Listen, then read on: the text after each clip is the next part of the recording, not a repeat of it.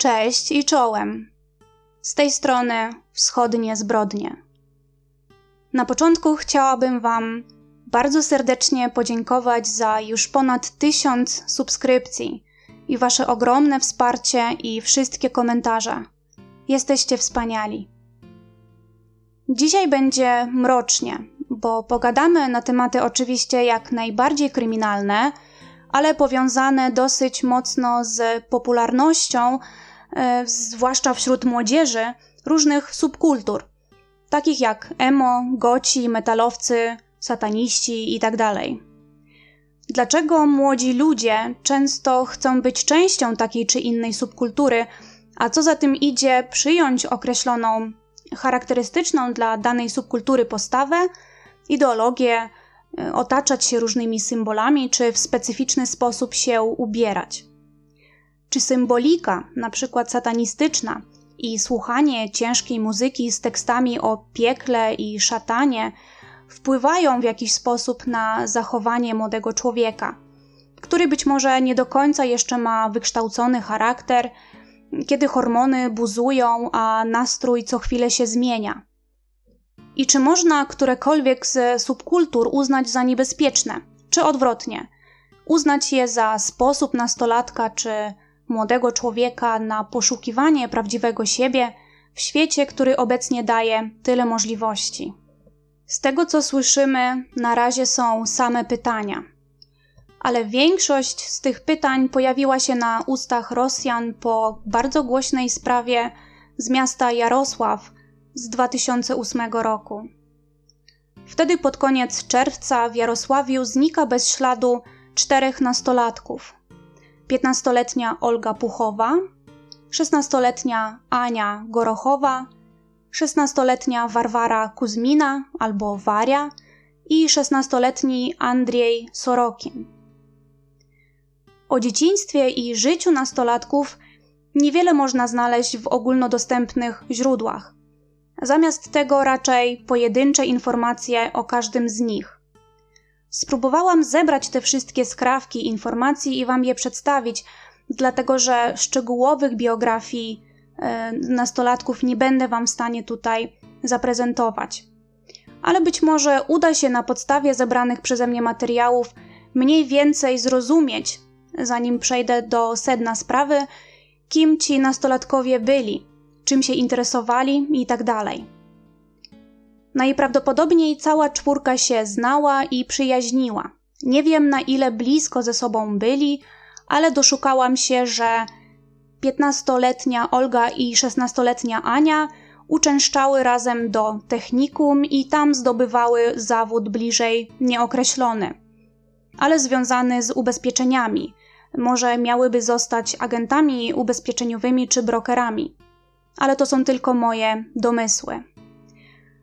W każdym razie te dwie dziewczyny mm, bardzo się ze sobą trzymały. Waria kończyła wtedy liceum, a Andrzej kształcił się w technikum kulinarnym. To jeśli chodzi o ich edukację.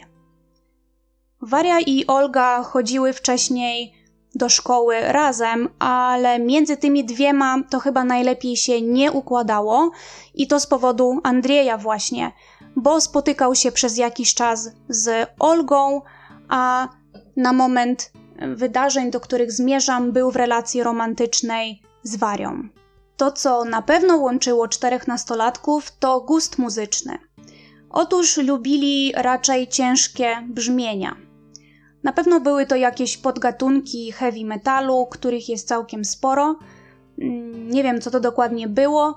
E, ta muzyka jednak ma poniekąd znaczenie w całej sprawie i o tym w dalszej części trochę też poopowiadam. Andrzej mówił o sobie, że należy do subkultury gotyckiej. Prawie zawsze ubierał się na czarno i z tego co mówiła jego mama, czasami chodził spotykać się ze swoimi znajomymi na cmentarz.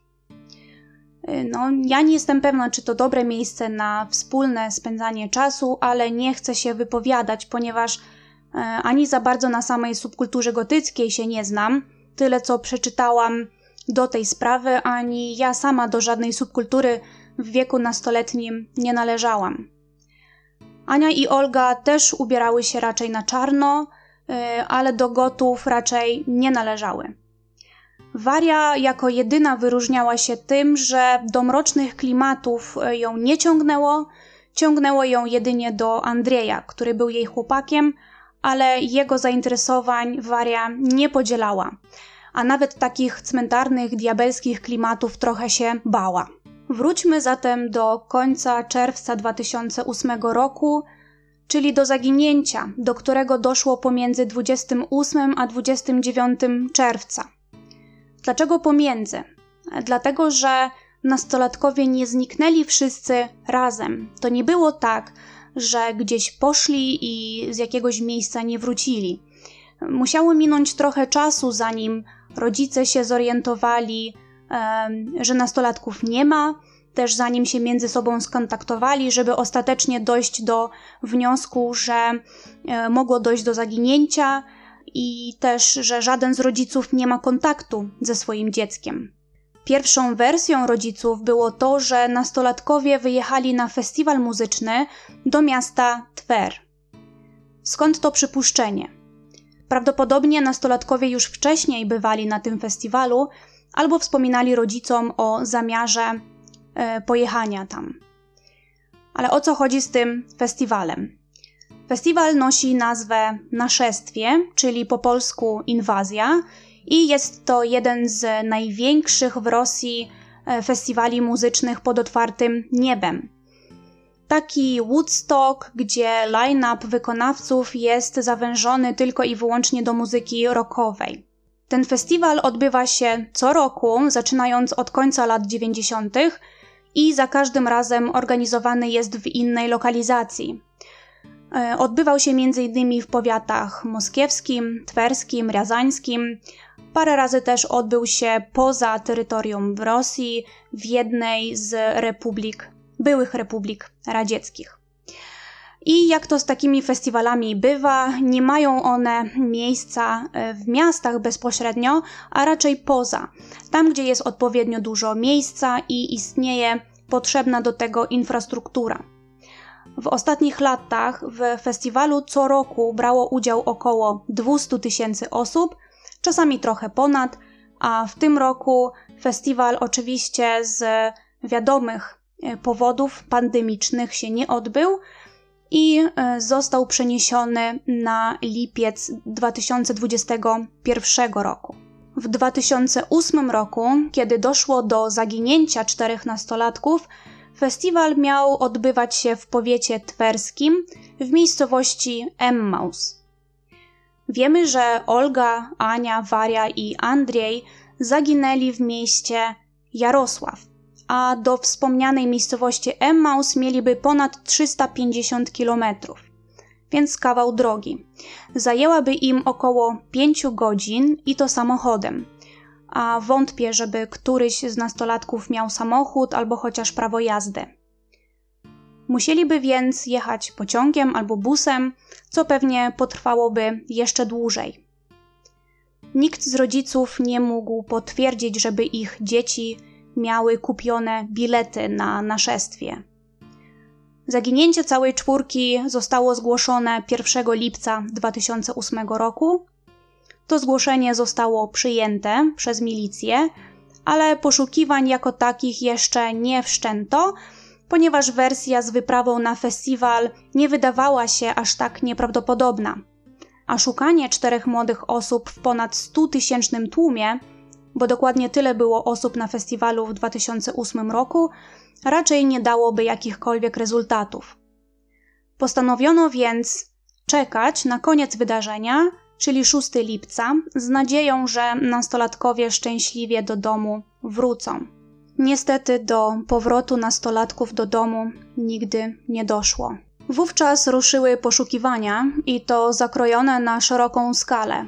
Po całym mieście Jarosław rozklejone były ulotki z opisami poszukiwanych i prośbą o pomoc w ich odnalezieniu. Informacje o zaginionych były co chwilę podawane w lokalnej telewizji, a akcję poszukiwawczą osobiście kontrolował gubernator powiatu jarosławskiego. Niestety, wszystko to bez skutku.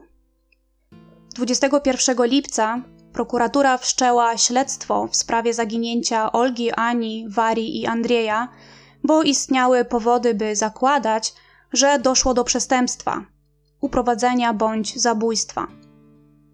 Poszukiwania nastolatków trwały stosunkowo niedługo, bo tylko półtora miesiąca. Oczywiście mówię niezbyt długo, jeżeli weźmiemy pod uwagę inne sprawy, kiedy od przełomu czy odnalezienia zaginionych śledczych dzieliły miesiące albo i lata. Jednocześnie można powiedzieć, że poszukiwania trwały zbyt długo. Jeżeli z kolei pomyślimy o rodzicach nastolatków, którzy każdego dnia liczyli na powrót dzieci do domu. 12 sierpnia nareszcie doszło do odnalezienia nastolatków, a raczej ich zmasakrowanych zwłok, schowanych w płytkim grobie na pustkowiu w Jarosławiu, w niedużej odległości od cmentarza.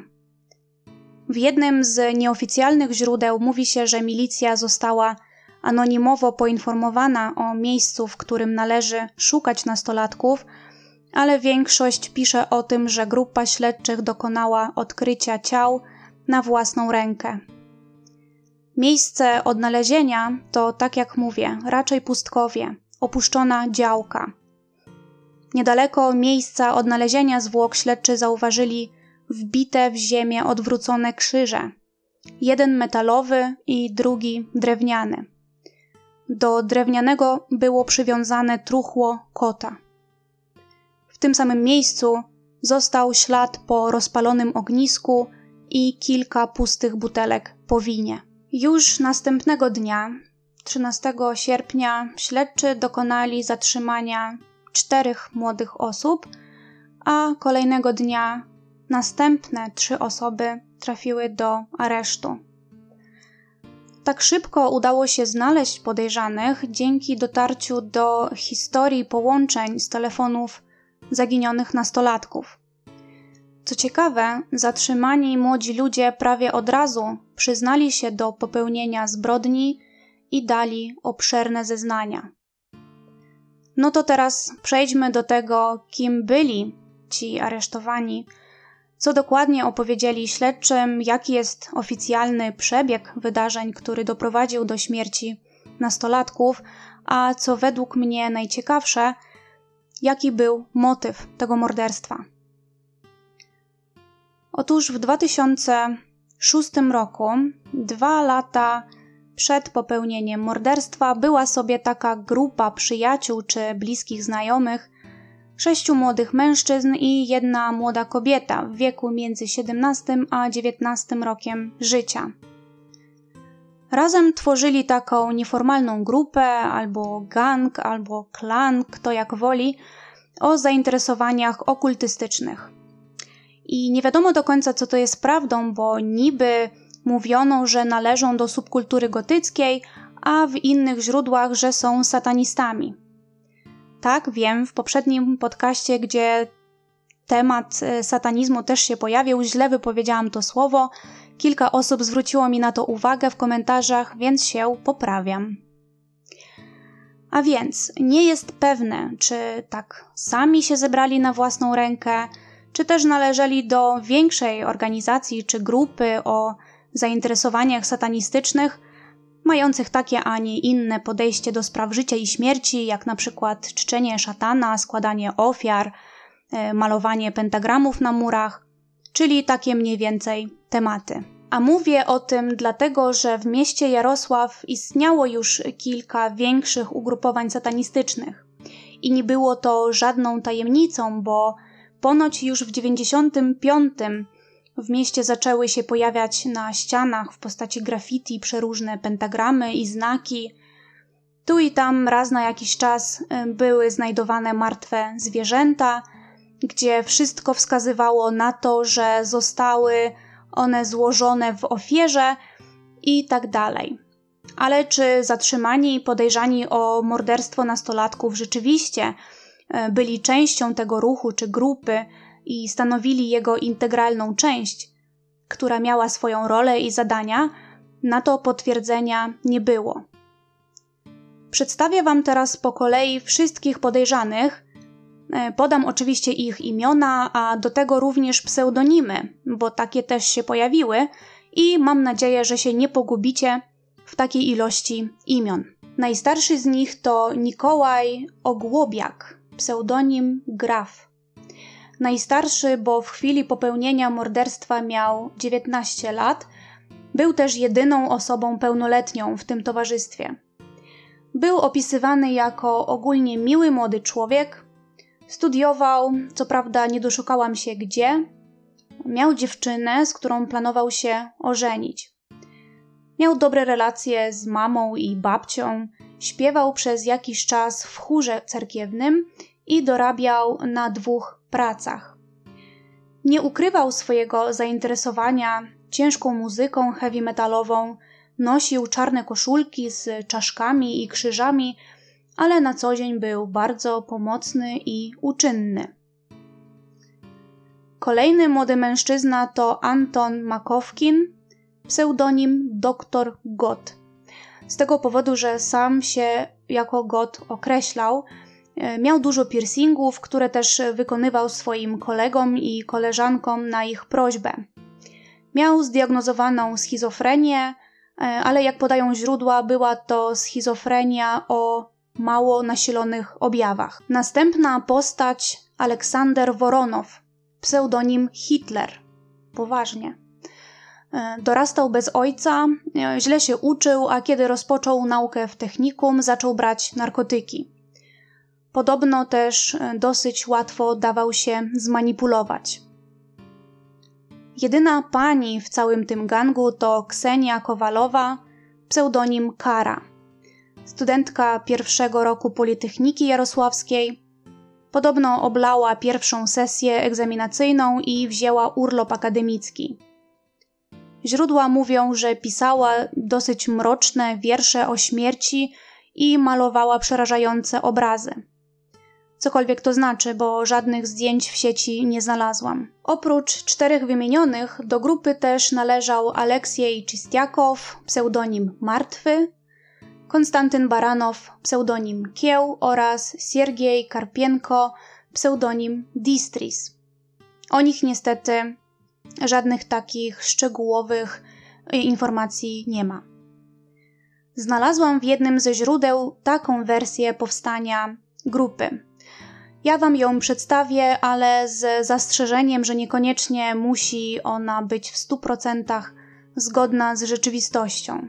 Otóż na początku Konstantyn Baranow, czyli Kieł, po przeczytaniu odpowiedniej literatury i pewnie zaznajomieniu się z materiałami dotyczącymi satanistów i ich działalności, uznał, że on koniecznie satanistą chce być i krótko później poznał grafa, czyli Nikołaja Ogłobliaka, który miał bardzo podobne zainteresowania. Wspólnie założyli tak zwany klan satanistów, po czym e, poznawali kolejne osoby, e, proponowali tym osobom dołączenie do szeregu satanistów, e, co wiązało się z pewną inicjacją, podczas której kolejna osoba, która miała dołączyć do klanu, miała zabić zwierzę i później po wszystkim powtórzyć za kłem i grafem tekst inicjacji, podobno znaleziony w internecie. W podobny sposób dołączyła do nich cała wymieniona wcześniej reszta, i za każdym razem odbywała się taka inicjacja podczas której niestety życie traciło kolejne niewinne zwierzę, najczęściej pies lub kot, a ulubionym miejscem zbiórki klanu e, stał się cmentarz albo różne opuszczone budynki lub działki. To niezbyt ciekawe towarzystwo wolny czas spędzało raczej na średnio przyjemnych i legalnych aktywnościach. Nie chodzili raczej na wystawy czy do teatrów. Ich ulubionym zajęciem za to było rytualne zabijanie zwierząt, niszczenie grobów, dewastacja cmentarzy, pozostawianie odwróconych krzyży i malowanie pentagramów tu i ówdzie. Na początku czerwca 2008 roku zniszczyli na jednym z cmentarzy w Jarosławiu około 100 grobów, jak podaje administracja. Ciekawe, że nic nie ma w źródłach na temat tego, czy ktokolwiek z tego towarzystwa był już znany milicji i czy może był karany za te wszystkie wyżej wymienione czyny. Teraz przechodzimy już do morderstwa bezpośrednio, w jaki sposób do niego doszło. Szczegółów postaram się oszczędzić, bo było to morderstwo bardzo brutalne. Jest to wersja oficjalna wydarzeń, opisana na podstawie zeznań oskarżonych i też potwierdzona przez śledczych po dokonaniu wszystkich niezbędnych badań i ekspertyz. 28 czerwca 2008 roku ten klan satanistów, ta cała grupa spotkała się na posiadówce w mieszkaniu Nikołaja Ogłobliaka, czyli grafa. Polał się alkohol i zebrani wpadli na pomysł, żeby przeprowadzić taką ceremonię inicjacji Ksenii do szeregów satanistów. Podejrzewam, że ona jako jedyna do tych satanistów jeszcze nie należała, a bardzo należeć chciała.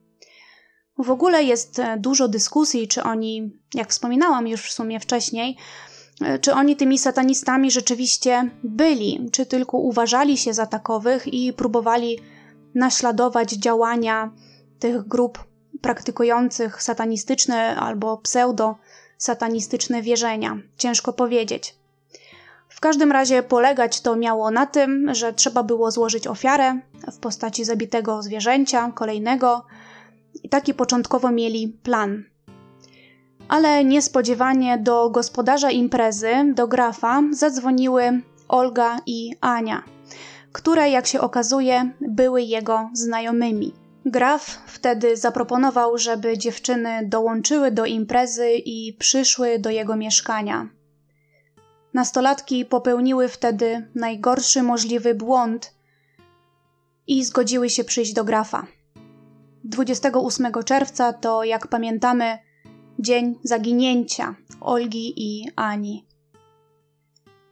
Nie wiem pod jak silnym wpływem napojów wysokoprocentowych byli imprezowicze, ale w pewnym momencie Konstantyn Baranow, czyli Kieł, zaproponował, żeby ofiarą, jaką mieli złożyć w ramach wstąpienia Ksenii do satanistów, Zamiast kolejnego zwierzaka stały się dwie nastolatki. To, co wydarzyło się później, nie mieści się w głowie.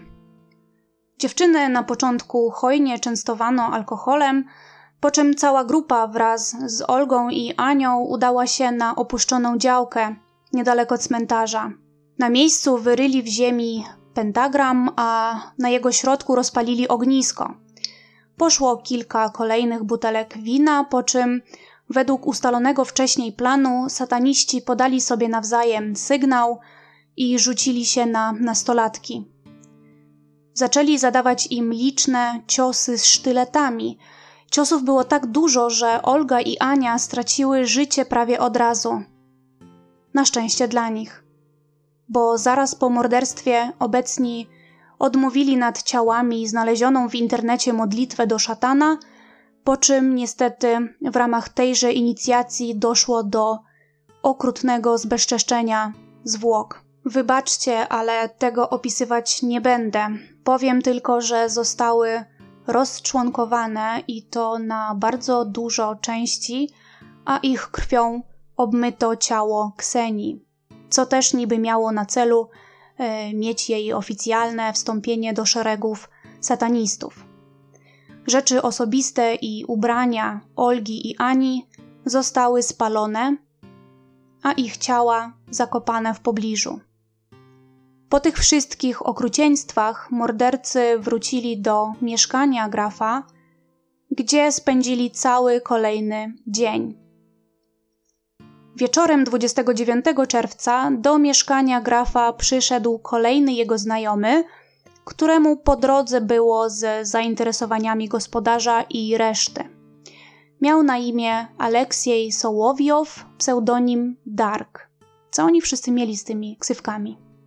Chcąc jeszcze bardziej poszerzyć szeregi e, klanu satanistów, e, Aleksiej także miał wstąpić oficjalnie do grupy i straszliwy pech chciał, że tego wieczora gośćmi w mieszkaniu grafa byli Andrzej i Waria. pozostała dwójka zaginionych nastolatków. Andrzej znał grafa i choć nie uważał się za jednego z nich, to w pewnym sensie podzielał ich zainteresowania związane z kultem szatana. Do jakiego stopnia ciężko powiedzieć. Jeśli chodzi o Warię, jego dziewczynę, to ona z kolei nic nie miała wspólnego z grafem ani z tego typu praktykami.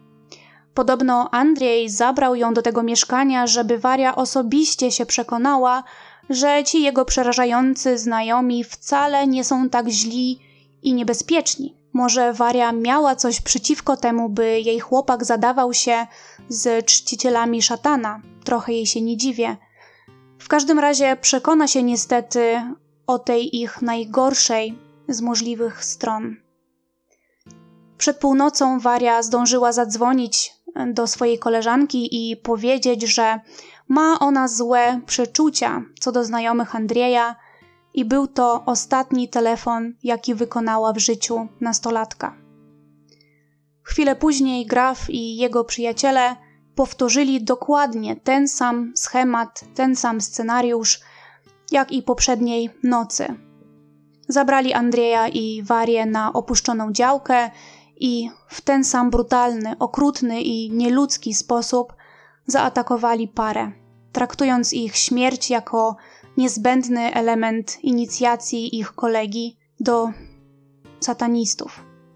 Zwłoki schowali do tego samego dołu, do którego dzień wcześniej wrzucili ciała Olgi i Ani. Wspomnę tylko, że ceremonie ceremoniami, ale nie omieszkali zabrać wszystkim ofiarom telefony komórkowe i pieniądze.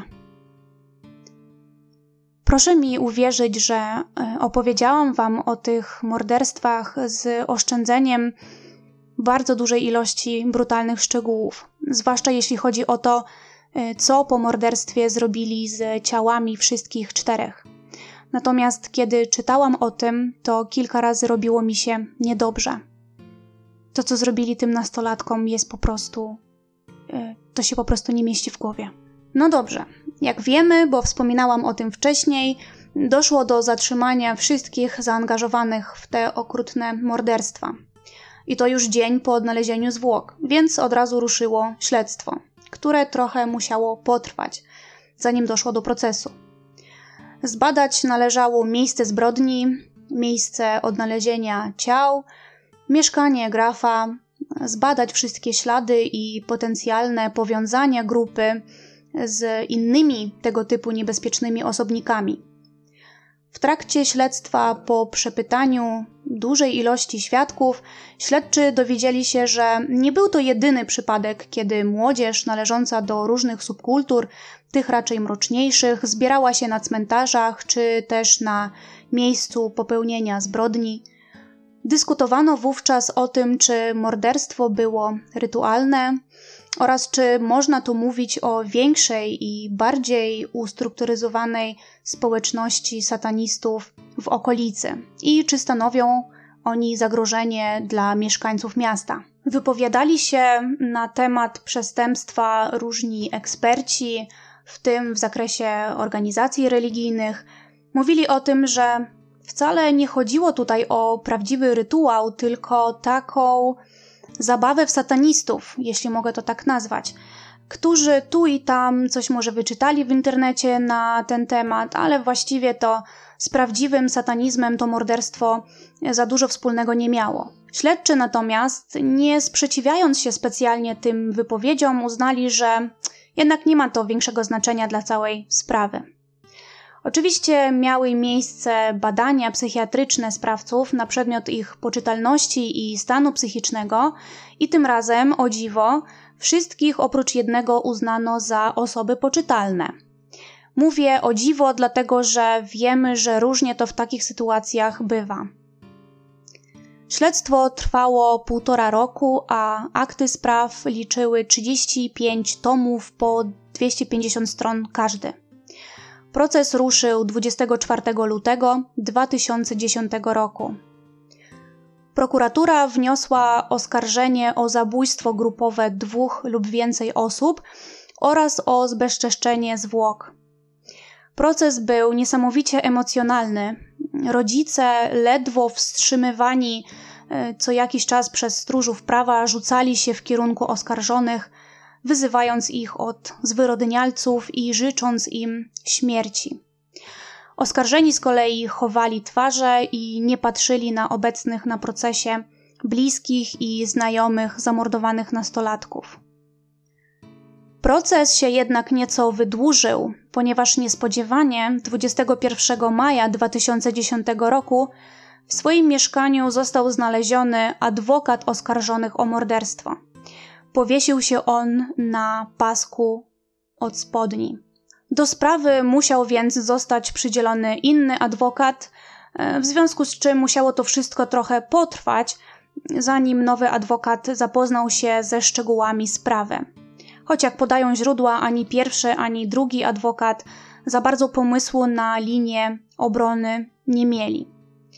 Też oczywiście pojawiały się teorie y, co do tego, dlaczego adwokat popełnił samobójstwo i czy miało to jakikolwiek związek ze sprawą.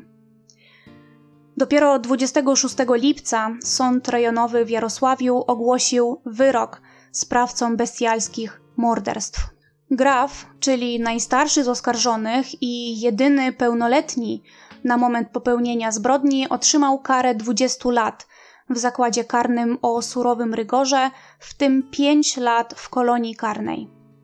Baranow i Woronow, czyli Kieł i Hitler, 10 lat w zakładzie karnym zwykłym, Sołowiow i Czystiakow, czyli Martwy i Dark, 9 lat w zakładzie karnym zwykłym, Ksenia Kowalowa, czyli Kara, 8 e, lat pobytu w zakładzie poprawczym, Siergiej Karpienko 2 lata w zakładzie karnym typu otwartego, a Anton Makowkin, czyli dr Gott, jako jedyny został uznany za osobę niepoczytalną i został skazany na pobyt przymusowy e, w szpitalu psychiatrycznym ze zdiagnozowaną u niego schizofrenią.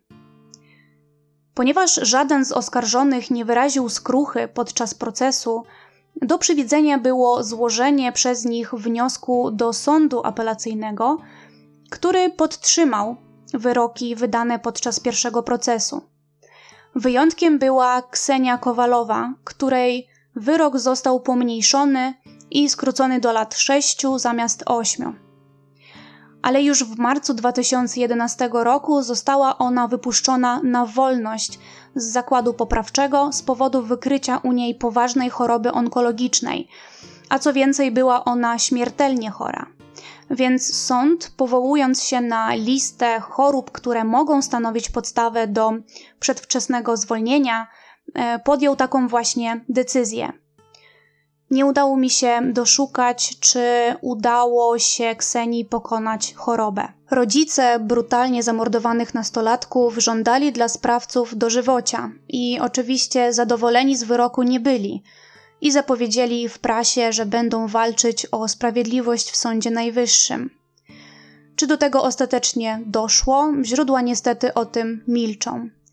Podejrzewam, że nawet jeśli, to wszyscy oprócz grafa y, byli osobami niepełnoletnimi, y, więc dożywocia i tak dostać by nie mogli. Żaden z oskarżonych nie wypowiadał się publicznie na temat popełnionej zbrodni, i tutaj mówimy zarówno o przeprosinach, jak i wyrażaniu skruchy czy próbie własnej obrony. Zupełnie nic. Z kolei jeden z członków tak zwanego klanu satanistów opowiedział jednej z gazet, że zainteresował się satanizmem w wieku 14 lat, kiedy to rozczarował się w Bogu, zaczął czytać literaturę satanistyczną i wkrótce poczuł więź z szatanem.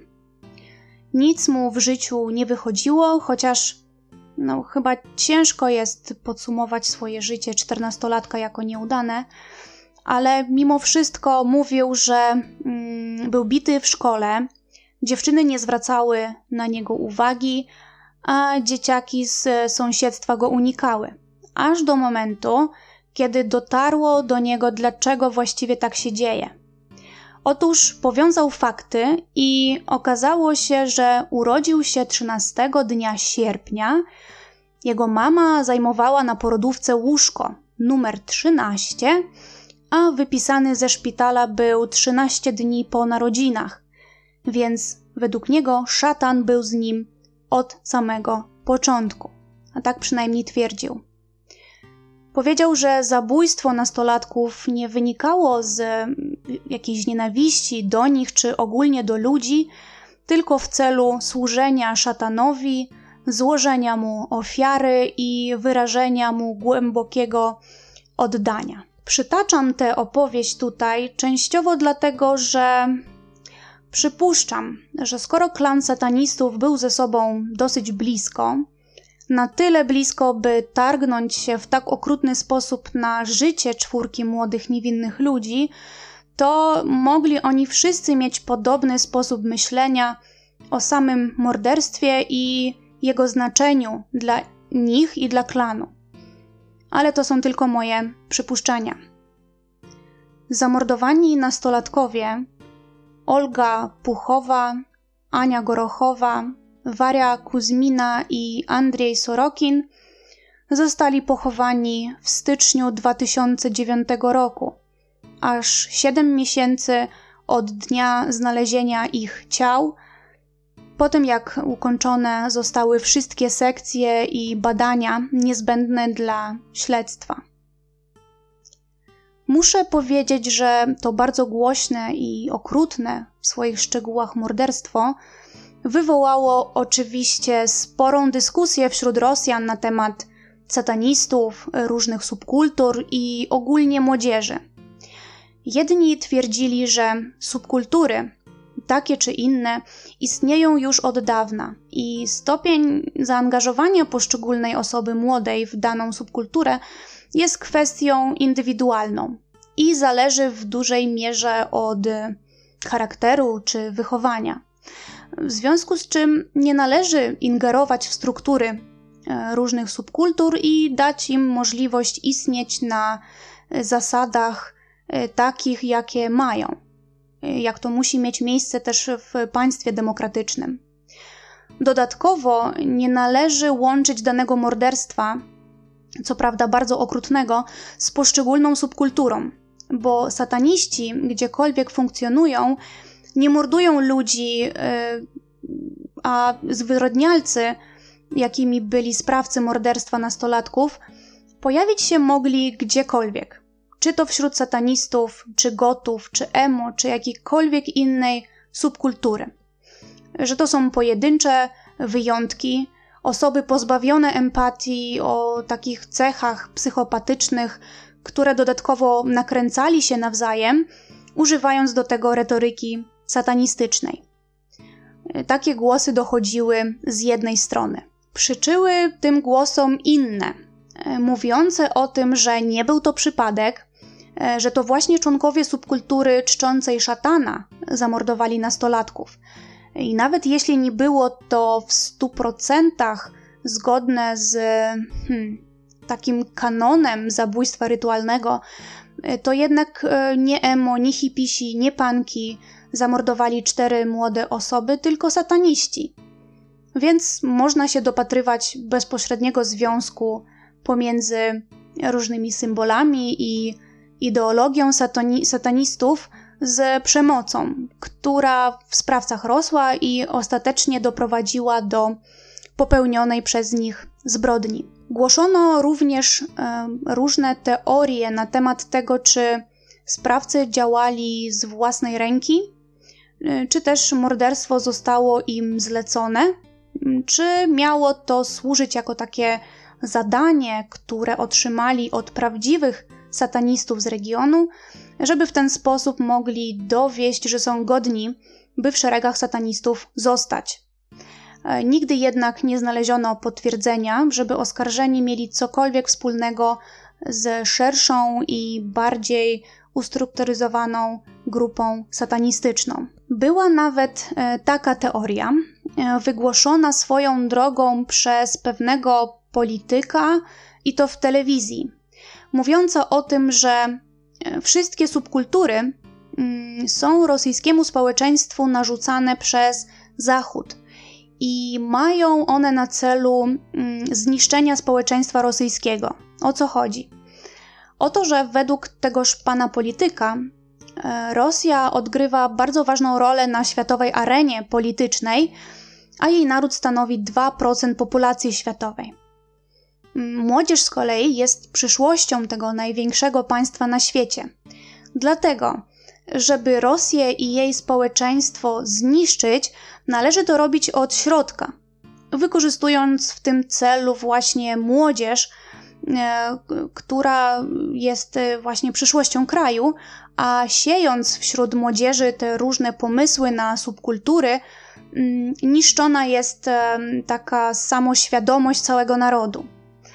Krótko mówiąc, według tego pana ktoś bardzo wpływowy, Mm, jakieś jednostki czy organizacje finansują i wspierają subkultury, które są coraz bardziej popularne w Rosji, i to wszystko ma na celu e, zniszczenie e, narodu rosyjskiego. Taka oto teoria, a mówię o niej, bo bo była taka wygłoszona publicznie i przez wiele osób popierana.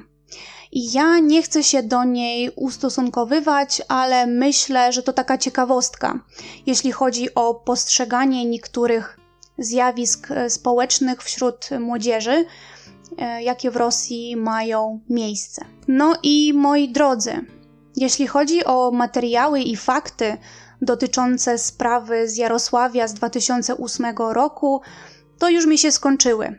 To wszystko, co miałam do powiedzenia dzisiaj. Jestem ciekawa, co myślicie na temat tej zbrodni, która jest niezwykle okrutna. Mówiłam, że pominęłam wiele drastycznych szczegółów, ale oryginalne materiały podam w źródłach, więc jeżeli ktoś bardzo chce, to może po nie sięgnąć i z pomocą Google tłumacza dowiedzieć się więcej na jej temat. Tego typu morderstwo i to od razu czterech osób było w Rosji przypadkiem bezprecedensowym więc oczywiście zaczęto się przyglądać wszystkim większym subkulturom, czy też zaczęły powstawać wewnątrz milicji, a w późniejszym czasie policji specjalne jednostki, które miałyby się takimi subkulturami zajmować. Jeżeli znacie podobne sprawy z Polski, e, to podeślijcie proszę linki w komentarzach. Jestem ciekawa, czy w Polsce miały miejsce podobne sprawy.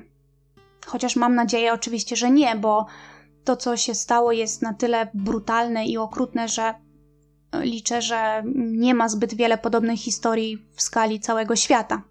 Ale kto wie.